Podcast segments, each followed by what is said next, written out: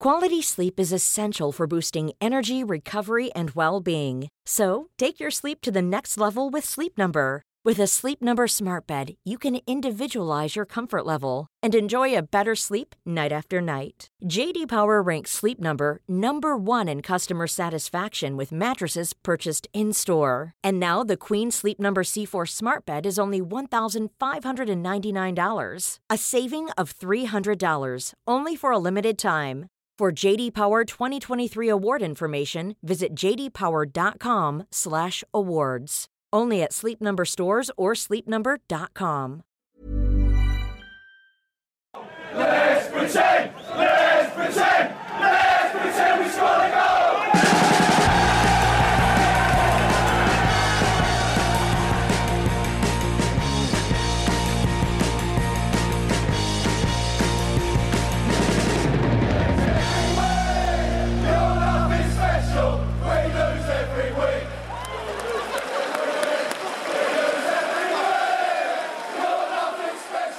Sportbladets Premier League-podd. Vi har eh, full omgång att eh, se tillbaks på när vi kliver in i landslagsuppehåll. Frida Fagerlund finns med från London. Hallå, hallå. Hallå, hallå.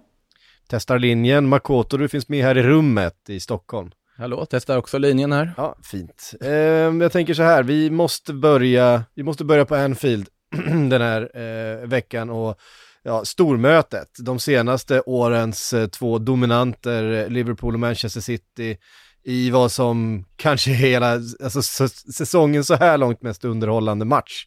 Eh, åtminstone som neutral och sett till kvalitet också. Det var en eh, eh, fantastisk match, framförallt Manchester City i första eh, halvlek och, och Liverpool i stora delar i andra halvlek och det var ju där vi fick se målen också. Frida, vad, Eh, vad tänkte du om den här matchen inför och levererade den på dina förhoppningar? Ja, men jag tyckte att den levererade på så vis att sådana här matcher mellan två topplag ju lätt kan bli lite stängda. Att båda lagen kanske inte vågar ta initiativ riktigt. Men det blev ju som du var inne på otroligt underhållande. Och det är väl vissa saker man tar med sig. Eller snarare vissa individuella spelare man tar med sig. Och dels är det ju Phil Foden som hade otroligt roligt mot James Milner på högerbacken. Vi kommer säkert mer in på det lite senare. Men den som sticker ut allra mest för mig det är ju Mohamed Salah. För att det målet han gör, ja men dels framspelningen till Mané och Manés löpning där vid 1-0 målet var ju magnifikt i sig. Men målet som Salah gör, alltså den tekniken och balansen och briljansen. Både i sättet han tar med sig bollen på och tar sig förbi sitterförsvararna. Och avslutet i sig, alltså det är ett av de, ett av de bästa målen den här ligan någonsin har sett. Jag var, man var helt överväldigad av att se det där. Så att de två stack ut ihop med Bernardo Silva kanske då som körde sina tv-spelsekvenser, särskilt under den första halvleken. Det var ju ett ögonblick där när han skakade av sig vad som kändes som åtta spelare eh, ungefär. Så att det var som du var inne på där att Liverpool var ju, de kom inte alls in i första halvlek och Man City borde ju ha tagit ledningen redan där eller, eh, eller, eller i alla fall utnyttjat att man dominerade på det sättet som man gjorde men så blev det inte så och då kunde Liverpool ta sig samman i halvtid, komma ut i andra halvlek och spela med betydligt större intensitet i spelet. Och eh, ja, det var ju skönt att vi fick se lite mål till slut i alla fall. Och det kanske ändå är rättvist att den slutar 2-2. Klart att Man City sett över hela matchen var väl bättre. Om man då inte minst ska räkna första halvlek. Men eh, ja, riktigt, riktigt rolig match får man eh, konstatera. Mm. Alltså Salas mål eh, håller ju helt med där. Och, och göra det i det tillfället. Nu vart det ju inte tre poäng av det, men att det direkt efter kvitteringen, eller direkt och direkt, men kort efter, bara på så här självklart sätt bara bestämt sig, men nu ska jag ta bollen, springa igenom ett helt försvar och göra mål. Och så gör han precis det. Och det, det var, är ett enormt häftigt mål på alla sätt och vis. Och på något sätt, även om 2-2 var rättvist, så blir det ändå på något sätt lite surt att ett sånt mål inte får ge tre poäng. I, i, liksom, även om City såklart förtjänade ja, minst en pinne här också sett i den första halvleken de gör och så vidare. Och sen tycker jag en annan sån här sekvens, här, individuell sekvens man ändå ska ta upp, är ju den där brytningen på när Fabinho får det där öppna målet i slutet. Det, Jag tror det, det är väl det som, det är väl det som eh, är, jag vill säga, 2-2 känns rättvist. Manchester City var nog sett över 90 minuter det bättre laget, men Liverpool känns ändå som de som var närmast segern. Dels med tanke på att man har ledningen två gånger i matchen och att Fabinho har den där chansen på slutet där, där Rodri gör en helt eh, osannolik brytning. ja, den är galen verkligen, för det, alltså målet är ju toköppet. Ja, det är ju helt tomt. Det är ju, han ska, det är ju bara att rulla in den liksom. Ja. Sen är det väl Eh. den här Milner-situationen där som Ja. Guardiola i alla fall vill få till, också hade del i, i det här Han var resultatet. arg var han. Ja men det, jag, jag brast ju, arg. brast ju ut i skratt när han vände sig mot fjärdedomare Dean och försöker liksom få honom att uttrycka någon sorts sympati och, och Mike Dean bara tittar på honom ju. Alltså som att han liksom är helt galen när han nästan vrider sig av ilska. Um, ja, han ville ju såklart att Milner skulle få sitt andra gula kort där efter tacklingen på Bernardo Silva och det är nog de flesta som håller med. Jag tror att det som gör att Tierney inte ger honom gult kort, jag vet att Guardiolas teori är att det är Anfield och det är svårt att stå emot trycket där. Jag tror även att Jordan Hendersons involvering kan spela in för att det ser nästan ut som att han har del i situationen när han egentligen inte har det. Jag vet inte om det är det som lurar Tenny, men annars så, ja, då är det väl klart att det kanske ska vara då ett, ett gult kort, ett andra gult kort och då får man ju helt plötsligt en annan typ av matcher där sista tiden där City ju hade kunnat vara en man med. Ja. Alltså, det hör ju också till, alltså riktigt rutinerade spelare som är bra på att ligga på gränsen, de får inte andra gula kort i sådana situationer. Så det är på något, alltså, de, de lyckas på något sätt komma undan i sådana situationer. Sen undrar man ju om inte Guardiola hade någon så här underliggande frustration över att han dök upp i de där Panama-pappren nu här också och liksom tog ut det också på, på alltihopa. Att nej, mitt eh, utlandskonto där från Qatar-tiden har, har, har blivit allmän kännedom. Kan ju funnits någon sån underliggande frustration hos honom. Ja, det, det vet jag inte, men, men eh, jag, jag tror det fanns en allmän frustration för eh, James Milner borde haft ett gult kort redan på första situationen som inte blev någonting när han när han klipper Foden. Eh, det var ju verkligen, det var ju 10-0 till Foden mot James Milner i den här matchen. Eh, han eh, lyckades ju inte stoppa någonting med schyssta medel överhuvudtaget faktiskt.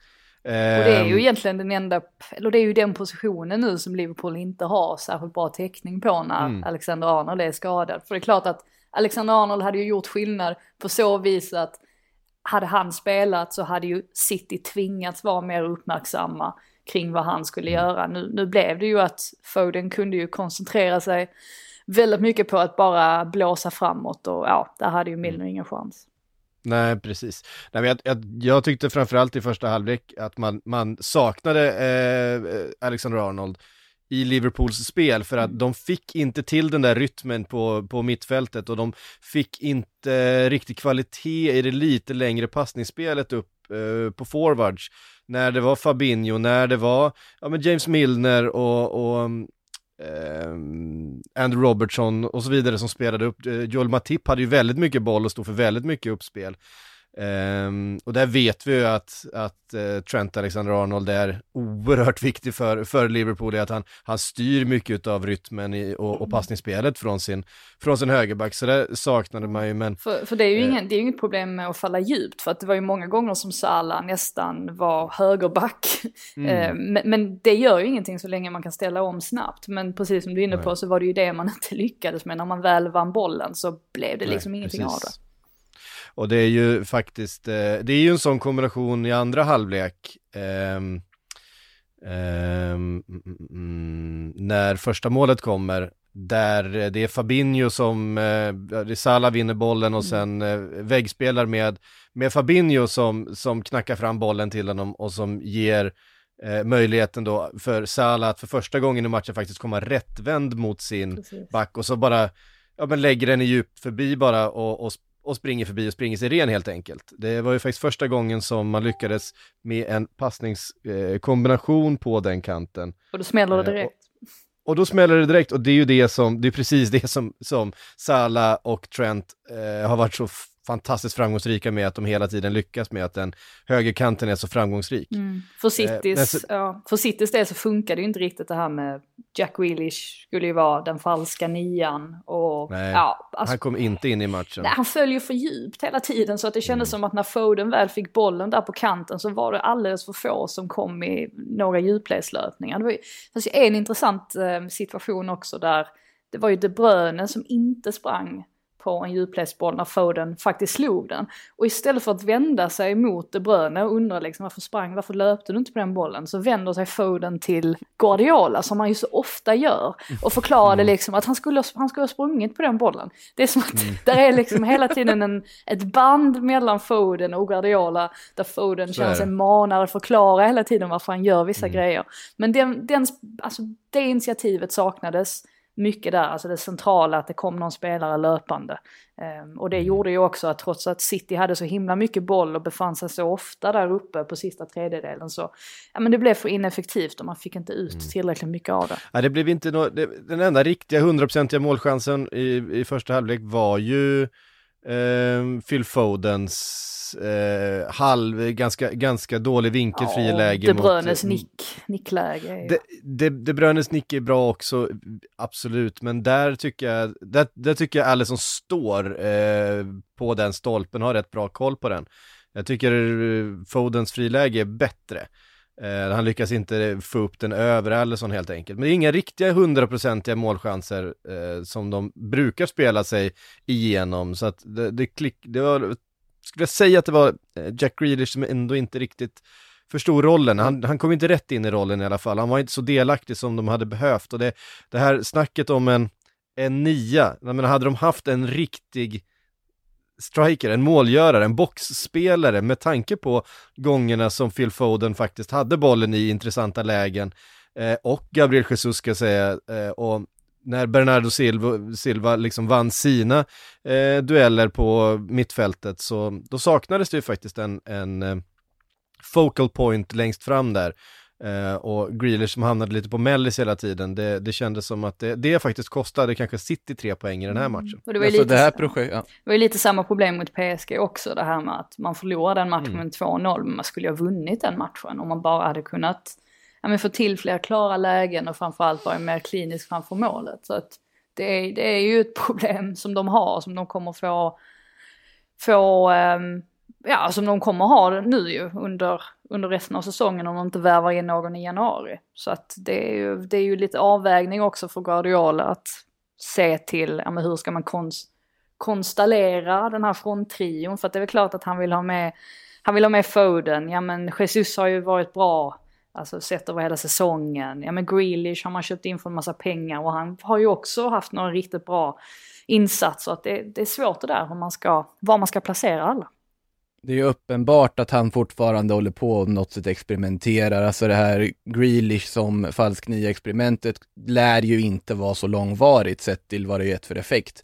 Men det är ganska konstigt tycker jag ändå hur han i början av säsongen inte roterade särskilt mycket utan spelade Ferran Torres i den där nio-rollen och sen Som jag tycker löser det bättre. och sen nu eh, senast, han har ju inte ens ett inhopp på senaste matcherna. Att han är ju på något sätt rakt ner i någon sorts frysbox. Jag vet inte om det är något annat som ligger bakom eller bara Guardiola är missnöjd med att han spelare vill ge honom ledigt eller vad det nu kan vara. Men det är uppenbart att Pep inte riktigt vet hur han ska lösa det, vem man egentligen vill ha där och får man ju se om det är Ferran Torres som dyker upp där och plötsligt får spela igen från ingenstans. Det är ju Riyad Mahrez som hamnar i någon sorts periferi också. Mitt i allt det här, Raheem Sterling ska läggas till här också. Det är, väldigt många alternativ utan att han verkar riktigt veta vad han ska spela förutom att han vill använda Gabriel Jesus väldigt mycket mer den här säsongen med tanke på hans form. Förutom att han vill använda Phil Foden nu när han har kommit igång efter Får man ju ordentligt. skjuta in att Mares spelade ju mot PSG och Mm. Mm. inte Jesus. Så att, Men, men för mig, som jag skulle säga, det som jag har sett av den här säsongen så eh, tycker jag att Phil Foden är given till vänster i en eh, front tre. Jag tycker han har varit e- extremt bra. Absolut. Är Gabriel Jesus given till höger? Och jag tycker nog att Gabriel Jesus ska vara den eh, till höger. Jag tycker han är eh, bättre än Mares. Eh, ska du han peta har Grealish samma... då, då?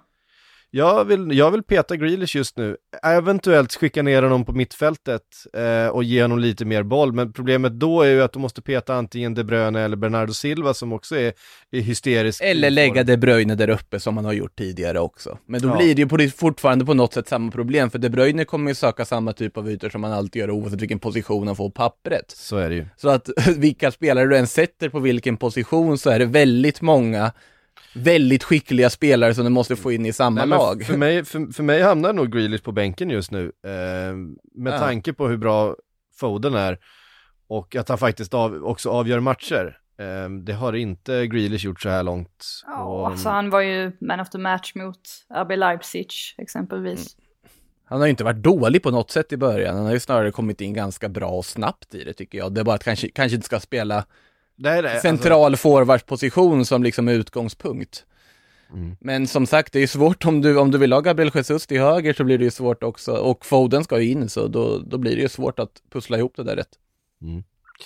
Ehm, vi, var det något mer vi skulle nämna om den här matchen? Vi har fått en del frågor. Frågorna som rör det handlar ju egentligen om Salah. Mm. Eh, är Salah världens just nu bästa fotbollsspelare? Ja, du vet Eh. att det var Carragher som var inne på det i studion. Mm. Efteråt att han är det med tanke på siffrorna och sådär. Och ja, alltså, det är svårt det där Det- också att jämföra med, att göra alla så. spelare. Men det är väl klart att han är en av världens bästa. Alltså, det målet, jag, jag kommer inte kunna släppa det målet han gör där. Det, det, är sånt, ja, det statuerar ju vilken otrolig fotbollsspelare det här är. Nej, Och, och det, som, det som ju också är i en sån här match är ju att när det är två så här bra och så här jämna lag, det som så ofta, avgör, det är ju när det kliver fram en världsstjärna.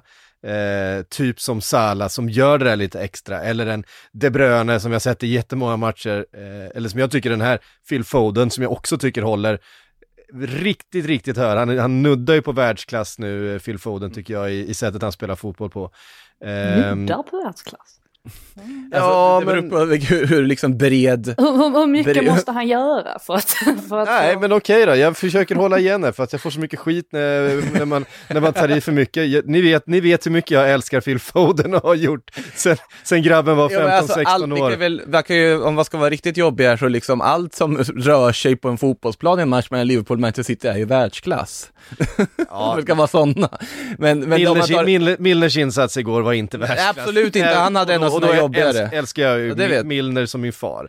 Eh, fast han är fem år yngre. Far, ja, jag tänkte bara, du, nu, ja precis, nu, nu Ja, övervärderar ja, men jag, jag, skulle, jag, skulle, jag, jag skulle aldrig kunna ha något, något annat slags förhållande eh, rent... Eh, jag kan ju inte älska honom som en son därför att jag ser ju för mycket upp till honom eh, som människa, så han får ju bli min far. det där blir väldigt, rör, fem- det blir väldigt rörigt när man kommer upp i åldrarna och inser att fotbollsspelare är mycket yngre än vad man själv är. Ja, framförallt sådana fadersfigurer som eh, James Milner. Exakt. Eh, nej, men det, hur som helst, en, ett stormöte som levererade i alla fall. Det är inte alltid det är så och faktiskt eh, Manchester City fortsätter att ha, eller rättare sagt Liverpool fortsätter fortsätter att ha svårt för Manchester City. Det är många matcher nu utan eh, speciellt många Liverpool-segrar. Jag tror att de senaste sju matcherna, jag tror att Liverpool har en seger eller något sånt där. Ehm, så att det, har varit eh, tufft för eh, Klopp mot Guardiola på senaste Men man kan konstatera ändå att den här pinnen, alltså är ju inte på något sätt krisartad för något av lagen, utan det är ju ett, det är ett klart godkänt resultat inför fortsättningen med tanke på hur liksom toppstriden ser ut och hur öppen den faktiskt känns att ändå få med sig en poäng och att det andra laget inte får med sig alla tre. Och framförallt att eh, lagen spelar så här pass bra och deras storstjärnor är i sån form så att eh, det finns liksom inga, eh, inga mörka moln eh, vid horisonten som eh, ser oroväd... Det finns inget att vara orolig över för de här två tränarna just nu. De kommer vara med och de kommer vinna de flesta av sina matcher den här, den här säsongen. Eh, så är det ju. Vi tar oss vidare då till Old Trafford, Frida. Mm, kul. Ehm, där Manchester United möter Everton, ett till, Manchester, Liverpool. Det där tenderar hända eh, rätt ofta. Det är så här, Liverpool mot Manchester eh, två gånger på samma omgång. Jag vet inte, det, det känns som det har hänt flera gånger de senaste åren. Ehm, samma helg. Eh, oavgjort även där. Kanske inte lika muntra miner på tränarna. Ja, Benitez var väl nöjd efteråt men eh, Ja. ändå lite smolk i bägaren med tanke på hur ja men det där sena målet från Jeremina och den knappa offsiden och så vidare. Det kändes som att att eh, Everton, trots att Manchester United ju hade skapat mycket mer under matchen och var Alltså, innan vi kommer in på matchen måste jag bara konstatera, Jeremina måste börja sluta dansa i sådana där lägen, för han uppenbarligen så jinxar han bara saker med det. Alltså det, det, blir, det är en förbannelse över hans liksom dansmoves efter hela det här i Copa America när han skulle dansa runt och psyka och sen slutar det med att de åkte ur. Nu står han där och dansar när han tror att han har gjort 2-1, men har, är ju själv då faktiskt ganska korkat offside, för att det där är jättedumt att lyckas springa offside i det där läget, faktiskt. Nu är han en mittback så han kommer undan på det, att han inte är van vid att ligga på rätt linje på så vis i den situationen, men samtidigt, där ska han inte springa offside i ett sånt läge, där han bara petar in bollen i öppet mål. Ja. Sen borde inte det. Tom Davis borde inte ha passat överhuvudtaget, han måste ju skjuta där. Nej men jag tänkte precis, nu, nu har du samma åsikt där som Ian Wright. Alltså jag håller inte alls med. Hur kan, hur kan man anklaga Tom Davis för att ta fel beslut i det fallet? Det är klart att han ska passa och det är klart att Jeremina, precis som Makoto säger, ska kunna tajma den löpningen bättre. Ja, äh, det, där skulle de ju haft sitt segermål, definitivt. Och det säger ju ganska mycket om matchen när Townsend står och säger efteråt att, att, att han är besviken på att de inte fick med sig tre poäng. Ehm, och det är väl kanske inte riktigt så man, man tänker sig att det ska vara när Everton kommer på besök på Old Trafford. Men eh, ja, det, jag tar ju framförallt med mig Townsends målgest här. Efter, eh, Det var, ju, det var ju en hyllning sa han efteråt, han ville hylla en av sina Ja. liksom eh, idoler och att han tyckte det var häftigt att spela mot Jag honom. undrar om idolen tolkar det på samma sätt. det var ju inte, det var inte perfekt utförd heller, det erkänner han ju. Inte. han, han, kan, han kan göra det bättre. Eh, Men Cristiano Ronaldo, är ju rätt intressant också, nu inleder han på bänken här och nästan hela försnacket handlar om att han sitter på bänken och varför spelar han inte och så vidare. Och sen så kommer han in och då gör Everton mål och sen efter matchen så är Ronaldo först med att lämna planen och gå ut i spelartunneln och muttrar för sig själv. Så att allting, allting kretsar hela tiden kring honom just nu och det är honom som Solskjaer får frågor, frågor om på presskonferenserna efteråt och intervjuerna efteråt. Och det, det är väl så här det kommer vara. Men det är lite som Gary Neville var inne på i det här fallet att alltså när Cristiano, när han visar så här tydligt att han är missnöjd med någonting så lägger det också en press på Solskär för att man undrar vad tycker egentligen de två om varandra, alltså rent professionellt. Alltså tycker Cristiano att, att Solskär alltid tar rätt beslut för att Solskär försvarade ju sitt beslut att, att eh, sätta honom på bänken med att ja men ni, ni känner inte till allting och ni, ni vet inte vilken dialog vi har haft och det är väl klart att det är så men eh, när vi har ett landslagsuppehåll som väntar och sådär eh, ja där väl i och för sig Cristiano ska spela men ja ändå han får väl i alla fall några dagars ledigt så kanske man tycker det är konstigt att inte låta honom starta men samtidigt så ja han får ju ändå komma in efter en timme och gör kanske inte sådana där jätteavtryck så att det är förstås en liten knivig avvägning också. Alltså det, det, jag brukar överlag vara ganska, alltså det brukar alltid, diskussionen dyker upp om huruvida det var bra för Manchester United att få in Cristiano Ronaldo eller inte. Jag brukar överlag vara ganska lätt mot att om det kommer in bra fotbollsspelare så klart att det förbättrar lag. Samtidigt med tanke på vad Uniteds problem är just nu så är det ju ändå en rimlig diskussion att ta liksom vad, att allting kretsar kring den som kanske på allra mest i liksom toppnivån är den som liksom med individuella prestationer vinner fotbollsmatcher åt sina lag. När Manchester Uniteds hela grundidé just nu är att individuella prestationer ska vinna fotbollsmatcher. För det finns ju inte så mycket grundtanke bakom det, åtminstone inte i matcher där man förväntas föra spelet. Och det har ju varit en gammal diskussion också. Och det är ju tydligt att när Ronaldo inte levererar, när Bruno Fernandes inte lyckas leverera och så vidare, eller Paul Pogba eller vem det nu är, Pogba också på bänken i den här Ja. matchen. Precis. Men då, då vinner inte United fotbollsmatcher. När de inte får den här liksom Nej. individuella superprestationen i något litet sekvens, i någon liten situation. Och det är ju ett jätteproblem. Cavani så rostig ut här tycker jag också, får ett par bra jättefina nicklägen ju. Mm. Där han ju ska göra mål, men eh, har varit borta en del och inte riktigt i formen. Eh, det känns som att är det, är det Ronaldo som får de nicklägena så Då sitter den. eh, då sitter nog båda tror jag. Ja. Eh, faktiskt. Sen är väl- Det är ju kanske världens allra bästa, allra bästa boxspelare med pannan.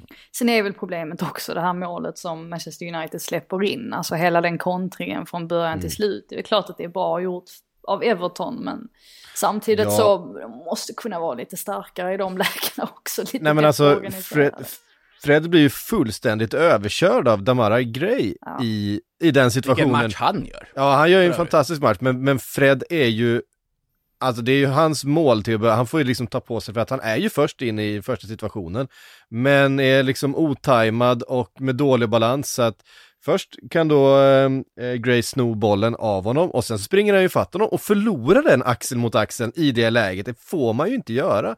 Utan blir liksom undanknuffad utav, jag menar, det är liksom inte, vad ska man säga, det, det är ju det är inte den värsta brytaren på planen, Gray. Det ska ju en spelare, en defensiv mittfältare ska kunna flytta på honom i det läget. Men för dålig balans, för dålig timing in i den situationen också. Eh, och helt plötsligt så blir det en omställningsläge där eh, Gray hittar fram till Ducoré som ju också gör det jättefint i, eh, i sin bollmottagning. Alla gör det jättefint i är hela det. Den, jag tycker liksom grundgrejen i den kontringen är att det är en otroligt fin omställning av Everton. Sen håller jag med att sen, sen ska det inte gå så lätt. Ja, det är två... När det ser så vackert ut så har någon gjort någonting fel. Ja, ja, men det är Fred förlorar två dueller mot eh, Demara Gray i, eh, inom loppet av liksom 3-4 sekunder. Eh, det hade räckt med att han hade vunnit en utav dem. Så hade den eh, situationen aldrig dykt upp. Och eh, sen är det ett jättefint avslut av Townsend till slut också då, med fel fot. Eh, dessutom väl. Vi skjuter han med höger. Han är, väl, han är väl vänsterfotad. Jag vågar inte Ehm, ens. Ja.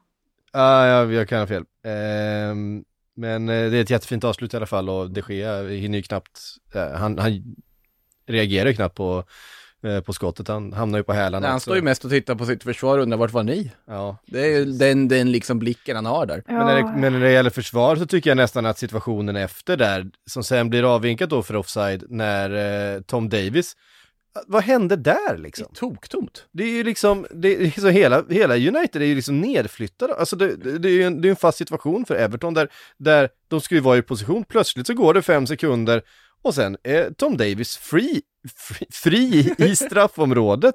Liksom eh, antingen med alternativ att själv gå på avslut eller spela in till Jeremina som då också är först. Alltså tröga, långsamma Jeremina är först in i den situationen.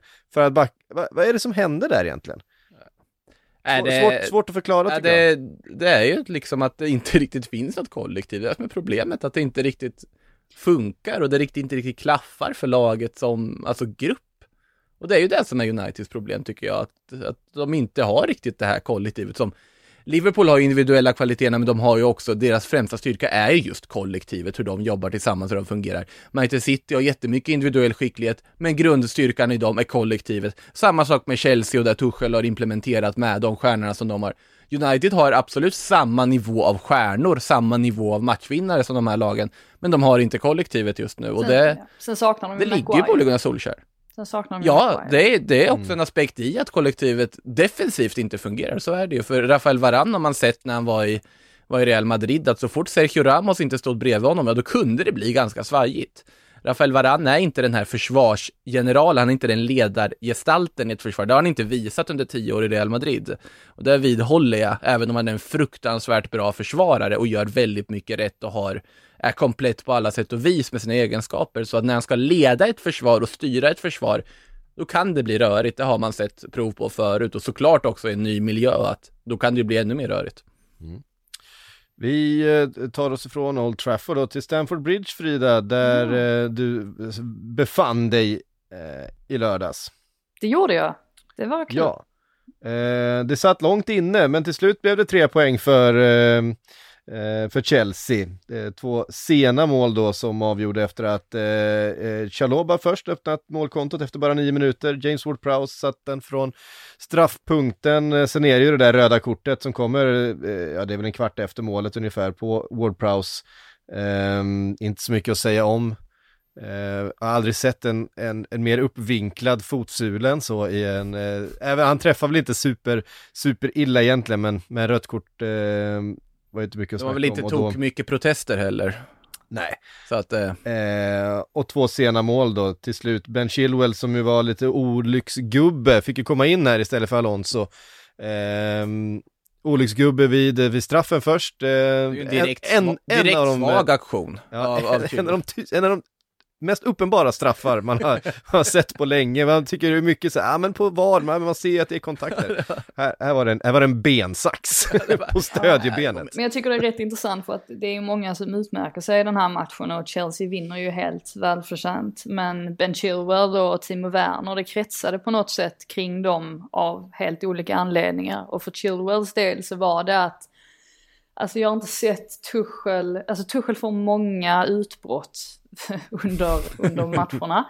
Men eh, det utbrottet han fick på Chilwell, det var, ja, det var någonting, anna, någonting annat om man säger så. Alltså, det var efter kanske sådär fem minuters spel som Chilwell, ja alltså Tuchel hade några invändningar kring hans positionering, att han inte sprang på någon djupledsboll och eh, blev fullkomligt vansinnig och man såg Chilwell, han försökte bara ignorera det och låtsas som att han inte hörde. Men jag menar, till och med jag hörde så att jag antar att Chilwell också hörde vad han skrek.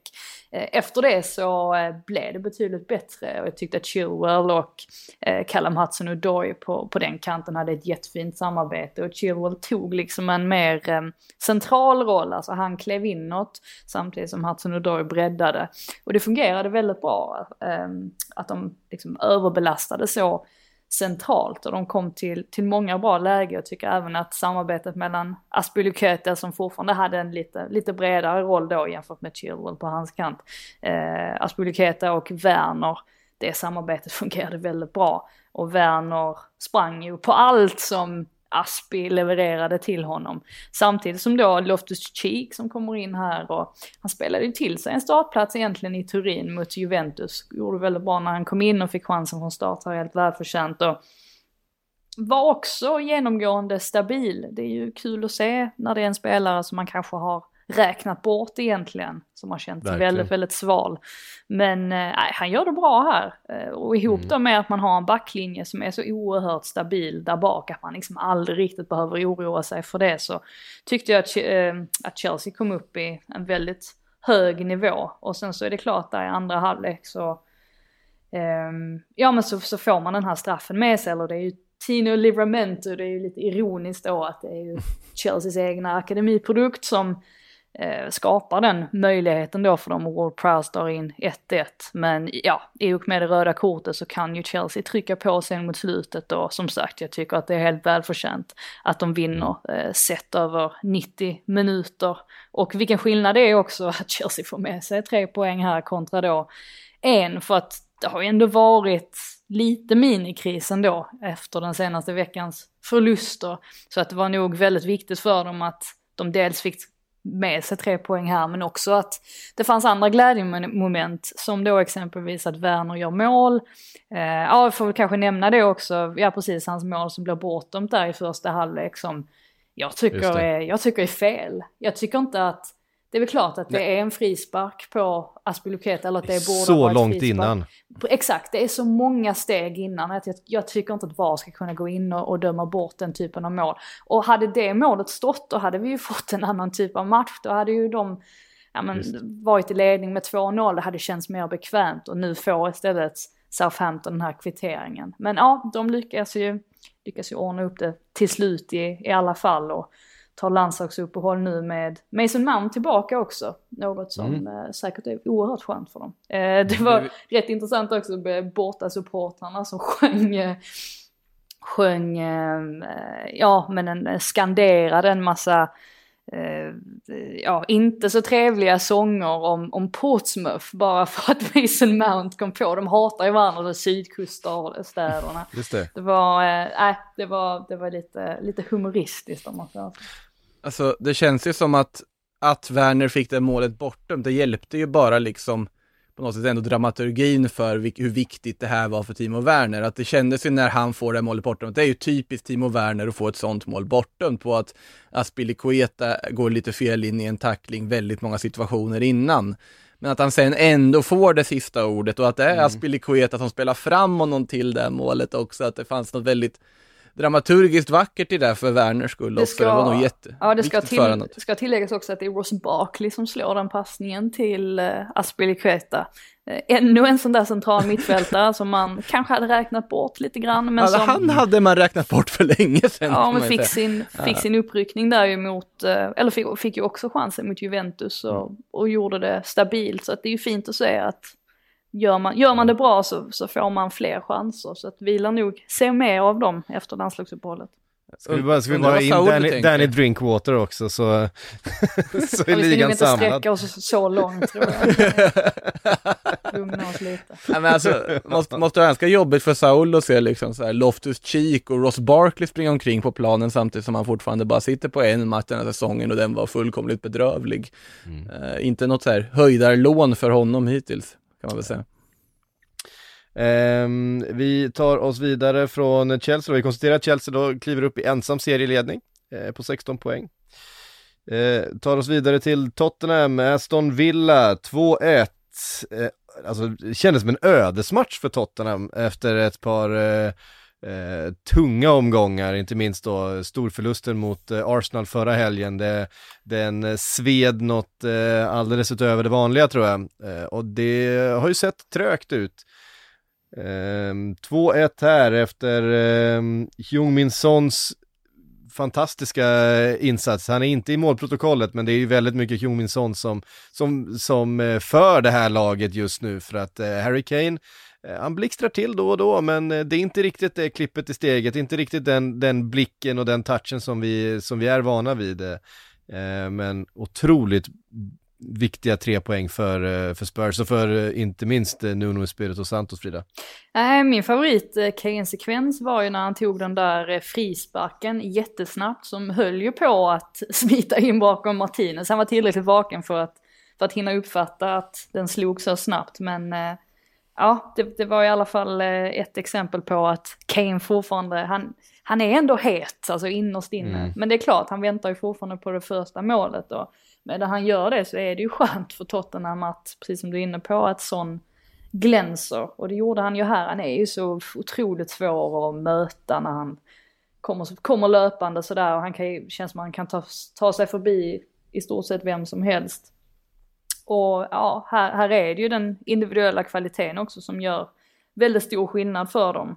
Och eh, ja, det är ju en seger som jag tror inte man kan eh, med ord beskriva hur viktigt det var för Nuno att få med sig det här precis nu innan uppehållet också. För att det är klart att det har varit, eh, har varit pressat för honom. Aston Villa är ett bra lag också.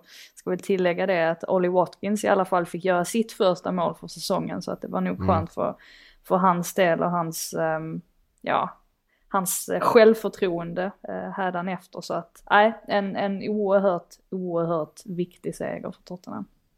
Känns ju spontant som att, nu ska man inte ta saker i förskott där kanske, men Son på sättet han har lyft, eller lyft, han har ju alltid varit bra sedan han kom till Tottenham, men liksom sättet han ändå har klivit fram den här säsongen när Harry Kane inte har fungerat riktigt på samma vis. Och också samtidigt då, samtidigt som Kane pratade om liksom, det var Manchester City hit och Manchester City dit under sommaren, så var ju Son, liksom, det pratades ju aldrig om Hyun-Min Son i någon sorts transfer. alltså, Nej, förlängde väl snack. kontraktet dessutom. Exakt, han förlängde istället kontraktet. Det är ju en framtida klubblegend. Mm. Alltså om han fortsätter på den nivån och fortsätter spela i den klubben, att det finns ju Redan nu Ja, måste, han, han. må, Ja. måste han ju anses vara en, en av de, de Största. största faktiskt. Eh, utan tvekan. för det har vi också sett under perioder som har varit ganska många då Harry Kane har varit skadad ju. Han har ju haft en väldigt skadeförföljd eh, karriär eh, i Tottenham och då har ju Son klivit fram. Eh, det, man har ju hela tiden undrat vem är det som ska göra det när Kane är borta, men det har ju alltid varit Son. Ja. Som, har, eh, som har stått Ja. för kvaliteten och som har stått för, för poängen Enda, i, i ja. den utsträckningen. Enda undantaget är väl just derbyt då, förra helgen. Men ja, Ja, det var å andra precis. sidan fler, fler än han och, och Kane Det var som fler faktorer i, i, den, eh, i den matchen. Men, men om han skulle säga att när jag är trött på Tottenham och vill dra, så det skulle ju inte saknas klubbar som vill ha honom. Det hade förvånat mig något enormt. Jag är ju förvånad att det inte ens har ryktat ändå om andra klubbar, för det är ju en så pass bra spelare, men att han ändå är så, Tottenham så pass trogen, levererar, ja inte i derbyt, men i övrigt liksom vecka ut, vecka in här, eh, nej det är ju en klubbikon. Ja, nej, det, och det, det kommer ju då och då en, eh, att klubbar hör sig för och det kommer ryktesvägen. Jag vet att Liverpool har varit en av dem som har hört sig för och varit så här, hur är kontraktssituationen egentligen? Men har, har hela tiden bara fått, nej, det är inte intressant, han är inte intresserad av att gå, de är inte intresserade av att sälja. Nej. Nej. Det är säkert en, Han hade passat en, ganska bra i Liverpool. ja, det är säkert en kulturell aspekt också på något sätt. Alltså som gör att, det vet jag att José Mourinho var inne på det när han var tränare, att han älskade ju sån och det var ju för att han var väldigt, väldigt enkel att ha att göra med och menade just på att det har med hans, hans kulturella bakgrund att göra. Att det är bara så man är, alltså man, man, är, man är artig och trevlig och man är lojal och det visar han ju inte minst här, att han är oerhört lojal mot Tottenham. Ehm, från Tottenham eh, tar vi oss en liten bit då till eh, West Ham. ehm, som mötte nykomlingen Brentford, eh, kanske hela ligans eh, största överraskning, eller ja, utan tvekan hela ligans största överraskning så här långt, men kanske det mest spännande laget just nu, Brentford. Eh, 2-1 efter sent mål utav Vissa igen. Han har gjort ett par sådana nu och avgjort eh, fotbollsmatcher. Ehm, oerhört imponerande Brentford. Ja, och han försökte med sin, eh, han har ju den här eh, målgesten att han sätter sig som in, alltså så, zen-position. Det funkade inte riktigt denna gången. De, hans lagkamrater var lite för glada för att låta honom eh, sitta och Ryan Reynolds here from Mint Mobile. With the price of just about everything going up during inflation, we thought we'd bring our prices down. So to help us, we brought in a reverse auctioneer, which is apparently a thing. Mint Mobile unlimited premium wireless. Ready to get 30, 30, bit to get 30, bit to get 20, 20, 20, bit to get 20, 20, bit to get 15, 15, 15, 15 just 15 bucks a month. So, Give it a try at mintmobile.com slash switch. $45 upfront for three months plus taxes and fees. Promo rate for new customers for limited time. Unlimited more than 40 gigabytes per month. Slows. Full terms at mintmobile.com. njuta av det ögonblicket i en sån yoga pose. Eh, nej, alltså Brentford går ju från klarhet till klarhet och det har vi ju sett också alltså under alla matcherna hittills att de är väldigt, alltså dels är de väldigt spännande att följa alltså under matchens gång för att de är väldigt modiga, de trycker upp med väldigt mycket folk, att de har den här självförtroendet, att de vet att vinner de bollen högt upp, ja men de har de spelare längst fram i en Boom och Ivan Tony och sådär som, som kan göra mål och det är väl den tron som gör att de vinner den här typen av matcher också, att de inte backar hem för att på något sätt så hade det ju, alltså Brentford var, var bra under den första halvleken men i den andra halvleken så tryckte ju West Ham på och liksom vi, visade hela sitt register. Eh, så att, äh, att Brentford får med sig tre poäng det har ju att göra med att de verkligen vågar spela trots att, äh, att de liksom inte backar hem och känner att ja, 1-1 är ett bra resultat utan att de hela tiden fortsätter driva på framåt. Mm. Eh, och jag får ändå lite känsla av Brentford. Jag tycker vi har sett det här mönstret.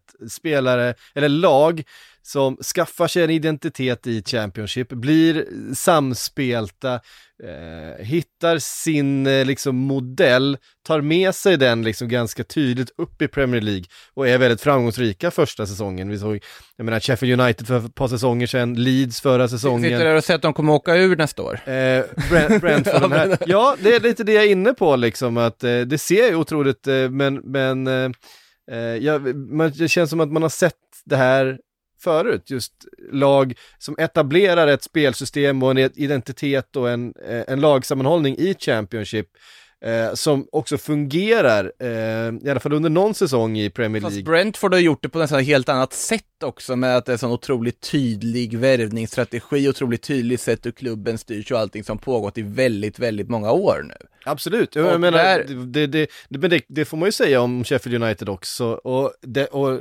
Leeds till viss del med, eh, kanske inte Leeds i så många år, men, men Bielsa byggde ju ändå upp det här laget och, och liksom så är det trollade fram den här identiteten och det här spelsättet med de spelarna, och det är ju liksom kärnan han hade då är ju fortfarande kärnan han har nu. På samma sätt för Sheffield United var ju kärnan som kom upp från, från Sheffield, eller från eh, Championship också kärnan som, som var väldigt framgångsrika den här första säsongen i Premier League och det ser vi nu med Brentford också. Det är samma kärna som har liksom Ehm, Men sen tänker jag att Brentford nu utan att eh, liksom lägga allt för mycket vad heter det, detalj här på hur Sheffield United och Leeds har rekryterat spelare så är det ändå tydligt att Brentford jobb var ju väldigt tidiga ute med hela den här liksom ganska moderna statistikbaserade analysmetoden Absolut. för att värva spelare, hitta spelare, scouta spelare. Nej, men jag säger inte att de har samma, att de har haft Nej, samma nej, nej, metod men alltså, liksom, nej, utan, utan samma- de har ju gjort det på olika Ja. sätt liksom, och Brentford har ju verkligen sin, och det är mycket möjligt att de är mer framgångsrika med det på längre sikt än de andra två. Ja. Jag, med, med, jag har bara en teori om det här med att bygga Eh, att man i Championship, om man har lite resurser och man har en bra tränare och en bra strategi så kan du bygga någonting i Championship som man också kan ta med sig upp i Ja. Premier League. Alltså för, för Eh. mig är ju Brentford mer, alltså ska man jämföra dem med någon klubb så tycker jag att man ska jämföra dem med Brighton. Och vi ser ju att Brighton är en sån klubb som nu börjar de få, alltså skörda sina framgångar efter att, att under ett par år har satsat på, på en tränare. Så det finns ju likheter mellan dem så att jag tycker nog snarare att det är att, att Brentford kommer, kommer vara lite mer som Brighton och ändå hänga kvar x antal år. Problemet är väl det där att man ska, måste gärna behålla sina spelare också. Ivan Tony kommer definitivt vara på olika klubbars radar om han fortsätter som han har gjort den här säsongen. Så att det är väl i så fall det som, som eh, ja, skulle vara ett frågetecken. Å andra sidan så hittar Brentford alltid en ny spelare att, att ersätta med när de säljer en striker. Så att jag, ja, jag är inte så bekymrad för att de liksom kommer att åka ut nästa säsong då. Eller att ja, det, det är ett luftslott, inte ett luftslott, men ja, att det kommer börja gå ut för. Jag, jag tror att de, de har hittat sin modell och de, de kör på den. Komma sig ihåg att Ivan Tony handplockades väl in till klubben också inför säsongen som de faktiskt gick upp. Dessutom, han är ju inte någon som de har byggt liksom längre sikt heller, så han är ju också en del av att de hittar den här spelaren i en lägre division, plockade in honom och han har varit en succé. Eh, men han kommer ju garanterat att, Aston Villa kommer ju lägga ett bud på runt 350-400 miljoner för Ivan Tony nästa sommar, oavsett vilken anfallsuppsättning de har, det är helt uppenbart.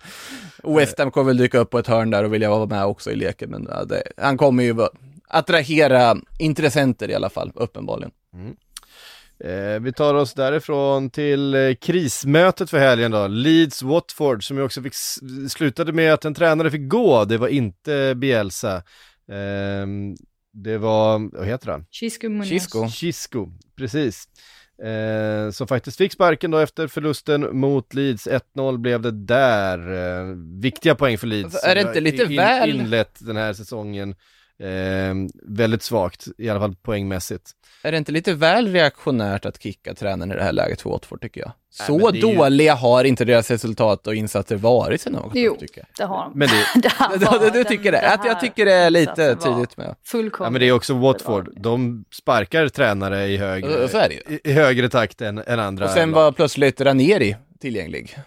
Som det nu verkar bli, som ska ta över. Det är väl inte officiellt än kanske med Ranieri, men det verkar väl som att det är han som ska ta det där tränarrodret och det, Jag tror inte man kan hitta många supportrar som, som motsätter sig att man gör sig av med Chisco. Alltså man har sett det de senaste veckorna att eh, ja, det har helt enkelt inte fungerat. Han har inte fått ut maximalt utav spelarmaterialet. Och ja, alltså Watford har ju den här modellen där de gör sig av med, med tränare ganska tätt inpå. Jag tror de har haft 15 tränare under det senaste årtiondet om man då räknar med ehm, eh, även eh, Flores Sanchez, Sanchez som, ehm, Som jag varit två gånger. ja precis. Sanchez Och- Flores ja. Sanchez på, på andra hållet.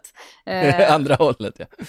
Nej men alltså så att, och det är väl klart att man kan tycka vad man, eh, vad man vill om, om en klubb som har den strategin och vi vet ju att Chelsea också har samma typ av strategi det här med att man, man gärna gör sig av med en tränare om man inte får det önskade resultatet. Men å andra sidan så Watford har ju ändå hängt i, alltså har, har många säsonger bakom sig i Premier League och, och har hela tiden lyckats ta sig upp från Champions League när man väl har åkt ur. Så att så länge det här fungerar för dem och det är kostnadseffektivt framförallt, det vet jag väl inte om det är, men så länge man kan göra det rent ekonomiskt så kommer de ju fortsätta göra så. Så att jag tycker inte det är fel, problemet är väl att det får ju inte, det får ju inte bli som, ja men då för, för två år sedan när eh, Sanchez Flores kom in och det fungerade inte alls och sen så försvann han igen och sen så slutade det med att Nigel Pearson var jättenära att lyckas få dem att hänga kvar men sen så ja, hade man en fallout med honom också. Så får det ju inte bli. Men eh, skulle man få in en tränare nu som kanske kan få lite fart på dem och det visar sig att man stannar kvar i Premier League, ja men då, då har det ju varit värt det ju. Mm. Ja men senaste, senaste se, sex åren, det är ju en, eh, eh eller fem åren faktiskt, eh, det är en skön radda. Det är eh, Chichi Sanchez, Flores, det är svårt att säga det där namnet. Kike Sanchez Flores är lite svårt att säga. Kike Sanchez Flores. Eh, Walter Mazzari, Marco Silva, Xavi Gracia, Eh, Sanchez Flores igen. och sen en caretaker då i, i, några veckor i Hayden Mullins, sen Nigel Pearson, sen Hayden Mullins igen då, fick ta över några, några eh, veckor när eh, Nigel Pearson hade sparkat. Sen Vladimir Ivic i fem, fyra månader. Eh, och sen då Chisco sen december förra året. Så att Eh, det är ju ingen av de här som har suttit över en hel säsong. Här sitter ju också Diego Martinez borta och är ledig. Kunde de inte plockat in honom? Det hade ju varit perfekt liksom, för, för, liksom fortsättning på den här raddan av tränare. Jag tycker ändå Watford ska träna som en spanjor, jag tycker det hör till. Uh, men uh, ja, Ranieri känns väl lite mer safe bet om man jämför med vad de har gått på tidigare. Sen tror jag att Diego Martinez hade varit ganska roligt, men det verkar ju bli Ranieri. Mm.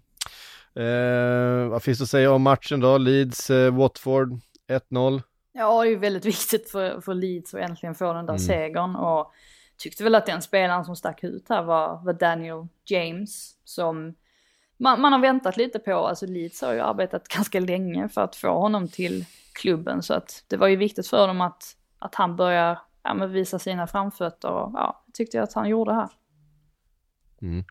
Um, och uh, det har ju faktiskt sett bättre ut sen, uh, sen um Um, vad heter han? Jag tappar namn hela tiden. Calvin Phillips har kommit in i, i laget igen och, och uh, stadgat upp det där mittfältet lite grann. Kul för Diego Llorente att få nöta också. Ganska fint avslut ändå. Mm.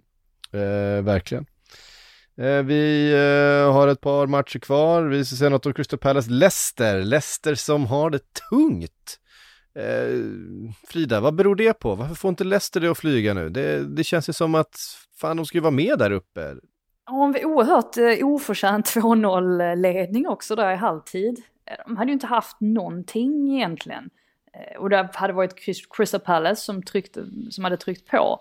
Och sen så får man det här då eh, målet från Ianacho efter ett misstag av Joakim Andersen. Och sen så utökar var det då precis innan halvtid och sen så stod man på 2-0 och då tänkte man ju att ja okej, okay, ja, men då kan de kanske få med sig en, en seger här i alla fall. Men nej, det var Palace som tryckte på det andra halvlek och de, det är ju ett väldigt roligt lag att, att, att titta på. Eh, alltså ingen vill inte liksom eh, vara, eh, vad säger man, disre disrespectful mot Roy, men det är väl klart att det det är roligare att titta på ett lag som som pressar väldigt högt eller vill vinna tillbaka bollen väldigt högt upp i planen jämfört med då ett lag som, som eh, snabbt faller neråt. Så att Crystal Palace tryckte på och sen så gör ju eh, Vera det här genidraget med dubbelbytet när han byter in Olis och eh, Schlupp som båda hamnar i målprotokollet och de hade ju faktiskt kunnat vända helt på siffrorna där. Jag hade någon eh, chans där på slutet. Det, det hade väl varit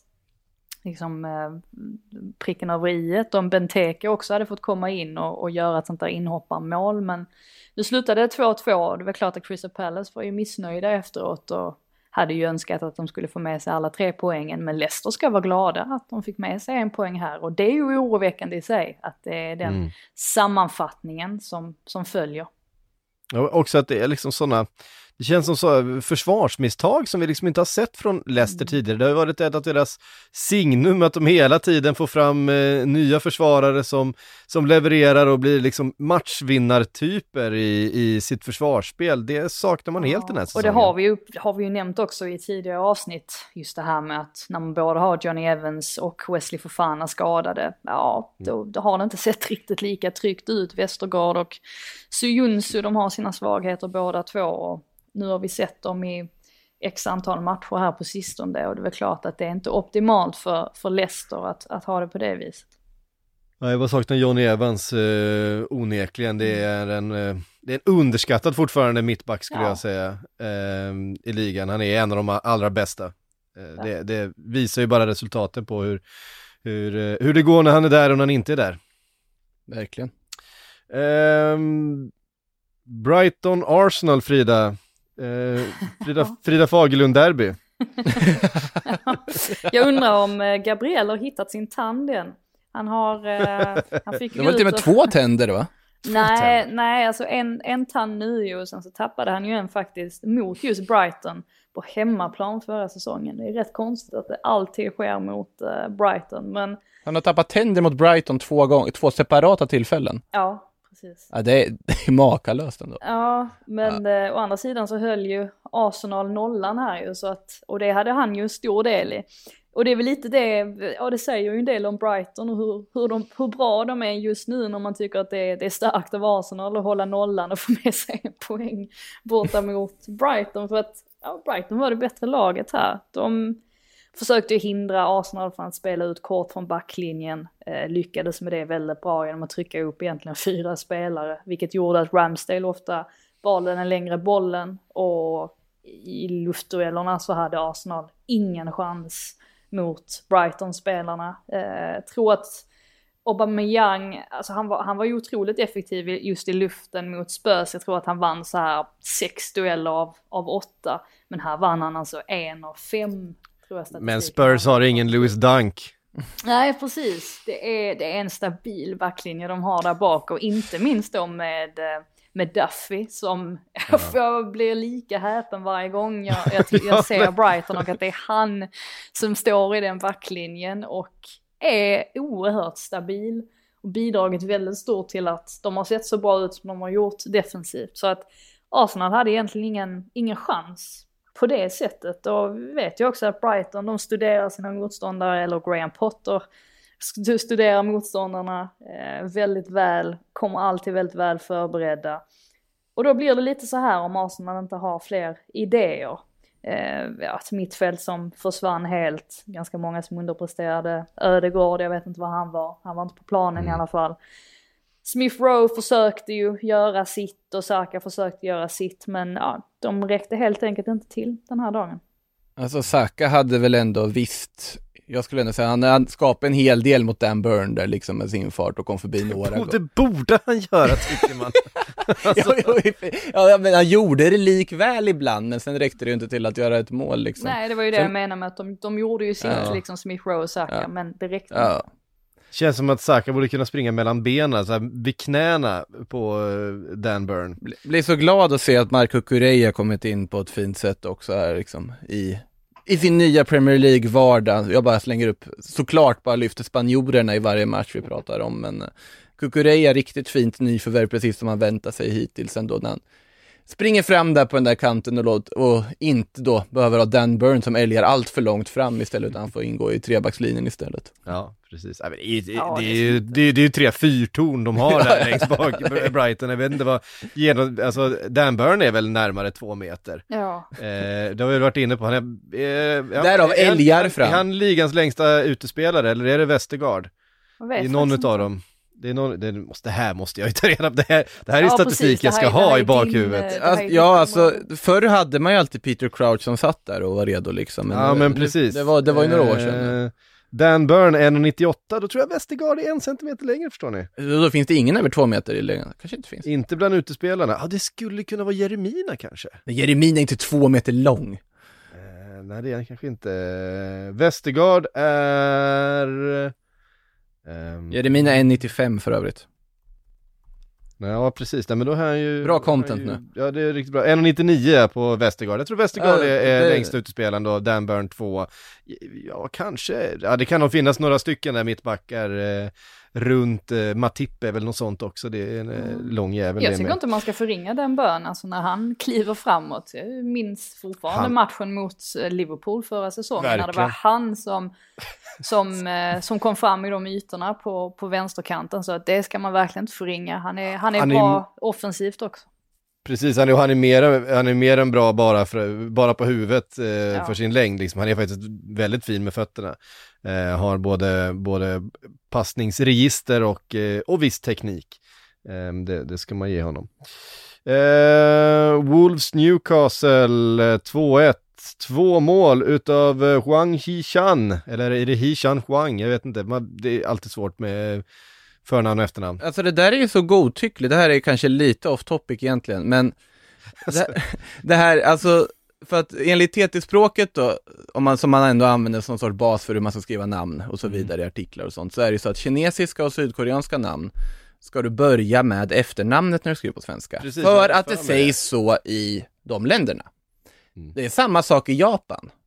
Men i Japan så ändrar man, japanska namn ändrar man ändå över till att ha förnamnet först. Till exempel att det skulle vara Tomiyasu Takehiro, egentligen om man ska vara liksom konsekvent med det, precis som det är Hyun Min Son, eller eh, Son Hyun Min blir det ju till och med då på till. Ja, det var min lilla liksom käpphäst, men oavsett vilken ordning man säger hans namn så gör han det ju väldigt bra just nu i Wolves, det kan man ju konstatera, två, Så när du reser till Japan så är du Asahara Makoto, Asahara Makoto. ja ja, det, Ja, det är så jag, är det. det. Är jag kör på den brittiska och det är Wang. Eh, Då kommer jag säga namnet. Wang är väl, Ja. vi kan väl nöja oss med Wang? Ja men Huang Yi-chan är ju då efternamnet först. All right. Eh, så att det är korrekt. I vilket fall alla- så, så var det ju intressant att, att han, han ersatt, ersatte ju Adama Traoré här och Adama Mm. Traoré är ju, han har ju varit en, den spelaren i, i Wolves som, ja men en av dem som ändå har glänst. Men här ser man ju att På det är ett problem. sätt. Ja, det är ju ett problem det här med att han inte har någon slutprodukt, att han inte, alltså han, han gör helt enkelt inte tillräckligt mycket poäng. Och nu har Juan kommit in, har ett väldigt fint samarbete med Jim- Jimenez eh, och producerar då två mål. Så att helt plötsligt så blir det ju svårt då för Traoré, eller hur ska man motivera att han ska, ska ta plats där istället till, till vänster. Alltså det, är, ja, det är inte lika lätt längre att, att få få honom att, att hävda att han ska, han ska spela och detta kommer ju i efterdyningarna av att den senaste veckan att det har pratats om att han ska skriva på ett nytt kontrakt med Wolves som ger honom en monsterlön och han kommer vara en av de absolut bäst betalda i laget. Så att ja, en, en intressant, eh, det var intressant att följa helt enkelt. Mm, och kul att se Jimenez efter, Mm. framförallt förra, förra veckan han ju fick avgöra, det möt, de mötte eh, den gången, det minns jag inte, men han. Southampton mötte de.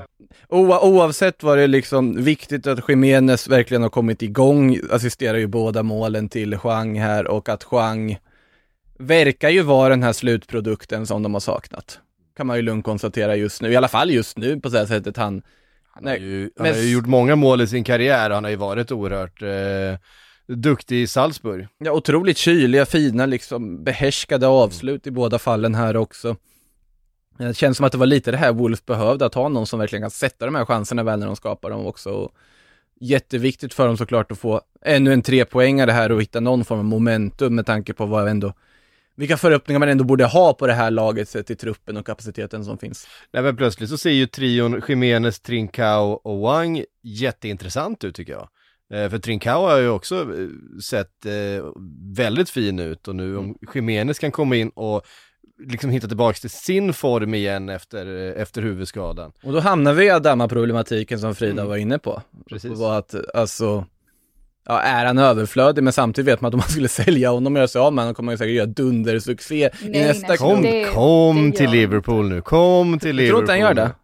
Ja, men det, är- det, det, de vill ju skriva nytt kontrakt med honom så det vore ju konstigt om de, de kan de inte göra sig av med honom. Det blir Nej men alltså om han är överflödig och Men inte grejen är ju liksom att han platsar. måste, men grejen är ju att han måste, han måste producera fler poäng och det har man Ja. sagt om honom i, i ja, men, otaliga säsonger Alla tider. Men det är oerhört viktigt att det där släpper för honom för att annars kommer det bli, bli problem för honom att ta plats här. Ja, vi bara konstaterar att Burnley och Norwich spelade 0-0. Eh, och sen så tar vi... Kul för Norwich med första pinnen för säsongen. Det var för deras första pinne till och med. Ja, det var så pass. Stackars Norwich. alla lag tar Lite, poäng lite år. mindre naivt eh, Nor- Norwich nu. Och det är nog det de måste ko- koncentrera sig på om de ska börja plocka en massa poäng eller tillräckligt många poäng för att ens ha en chans, den minsta chans Mm. att hänga kvar.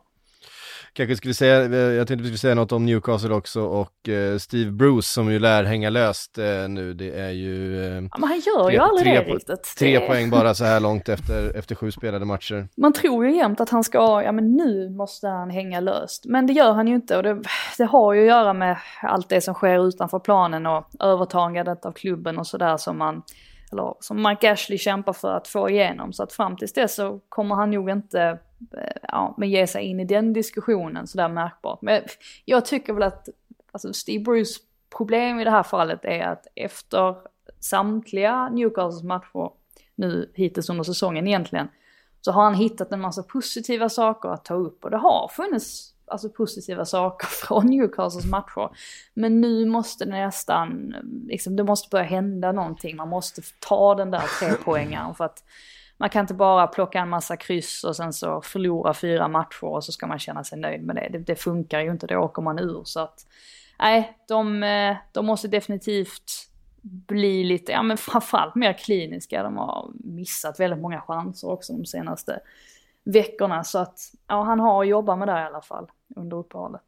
Man väntar ju på att Saint Maximin bara ska tappa det helt och hållet på liksom resten av laget. Alltså bara bli så tokfrustrerad på att han i princip just nu springer omkring själv och försöker göra saker utan att det liksom blir någonting av det och de tragglar på det sättet de gör. Mm. Eh, vi har fått eh, frågor i vanlig ordning. Eh, Eh, väldigt mycket frågor om eh, Ole Gunnar, eh, bland annat från Babylona som skriver Kan ni betta på hur länge Ole blir kvar? Eh, ja, alltså de har ju ändå investerat i Ole. Ja, jag tror att han blir kvar. Det är, enligt rapporter också så ska det inte finnas någon chans att han får sparken mm. nu i alla fall. Så det, det avgörs väl på vad som händer ja, men efter landslagsuppehållet och alltså månaderna efter det. Sen samtidigt så vet vi att Man United är ju sådär att helt plötsligt så vinner de 30 matcher i rad och sen så tror man att allt är frid och fröjd. Och sen är man tillbaka på, på ruta ett igen. Så att det går ju upp och ner och det kommer nog fortsätta gå upp och ner så länge man har Solskär. Det, det får man helt enkelt acceptera. Problemet är väl att den truppen som Manchester United har gör ju att man egentligen skulle vilja räkna Man United som en titelkandidat. Men man gör inte det riktigt. Just av den anledningen att det känns alldeles för, för eh, ja, men instabilt. Och att säkert mycket av det beror på Solskär, eller att han får i alla fall ta det yttersta ansvaret för det.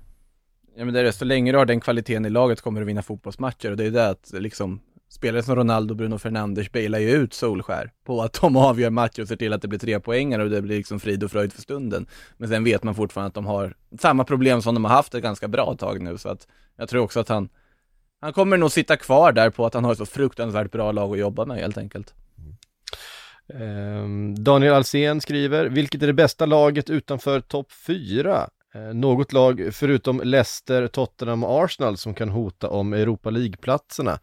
Eh, definitivt, jag tror att Brighton kan göra det den här säsongen. Jag tror att Everton också kan göra det den här säsongen. Sen är det frågan om de har uthålligheten som krävs för att göra det, men eh, båda de två lagen tycker jag Jag vill ser... inte räkna bort Arsenal från, jag vet inte om du nämnde dem där, men de Nej, förut, förutom Arsenal och Spurs då, ja, som kan hota. Ska väl också vara med ja. ändå i Ja, jag, jag, vet inte om Everton, jag tror inte att de har bredden, alltså tillräckligt bredd, tillräckligt Nej. en tillräckligt bred trupp för ja, att kunna de är verkligen, De är verkligen beroende av att få, att inte åka på liksom ett jobbigt skadeläge, får de behålla sin trupp intakt. Lite sådär Leicester, eh, titelvinnarsäsongen där de kunde spela med samma elva spelare i stort sett 38 eh, raka matcher.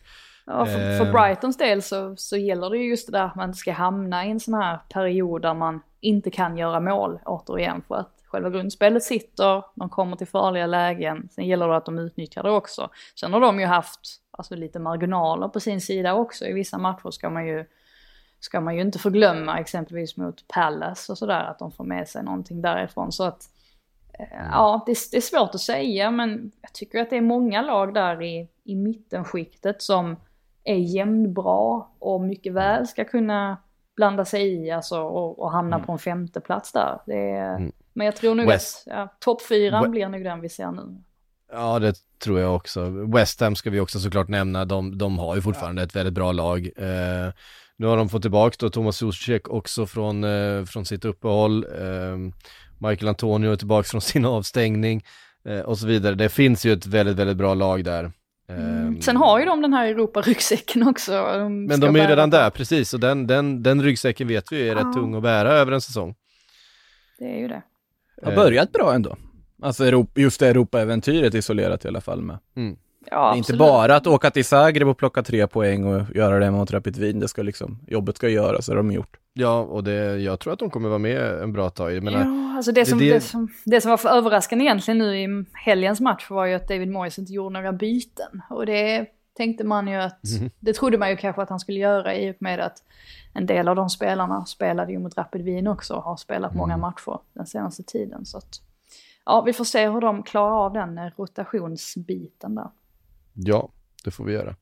Hörde ni, det var allt vi hann eh, idag. Tack alla ni som har eh, lyssnat och ställt frågor. Tack Frida, ta- tack Makoto för att ni var med. Eh, Sportbladets Premier League-podd är tillbaks om en vecka igen som vanligt. Eh, fram till dess så kan ni ju lyssna på Makoto i eh, ja, Allsvenska podden, Damallsvenska podden och så vidare.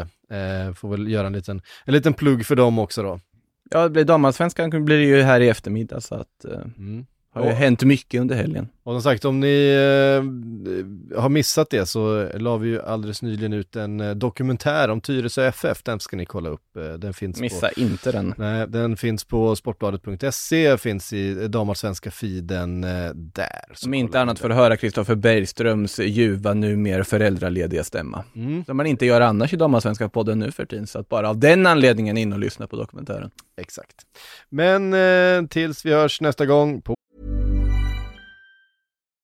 Botox Cosmetic, out of botulinum toxin A, FDA approved for over 20 years. So, talk to your specialist to see if Botox Cosmetic is right for you. For full prescribing information, including boxed warning, visit BotoxCosmetic.com or call 877-351-0300. Remember to ask for Botox Cosmetic by name.